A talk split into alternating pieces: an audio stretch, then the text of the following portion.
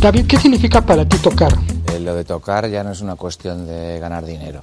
Eh, tocar es, es, vital para mí. A veces cuando pienso en el momento de mi retirada, que algún día llegará, por supuesto, lo que más voy a echar de menos van a ser los conciertos en directo, los, los viajes, las pruebas de sonido, los escenarios, eso es lo que es lo que más mm, le gusta a un músico, a un artista eh, que realmente ame esta profesión. ¿no? Por supuesto, también nos da de comer y nos hace poder mantener a nuestras familias y, poder vivir de esto, ¿no?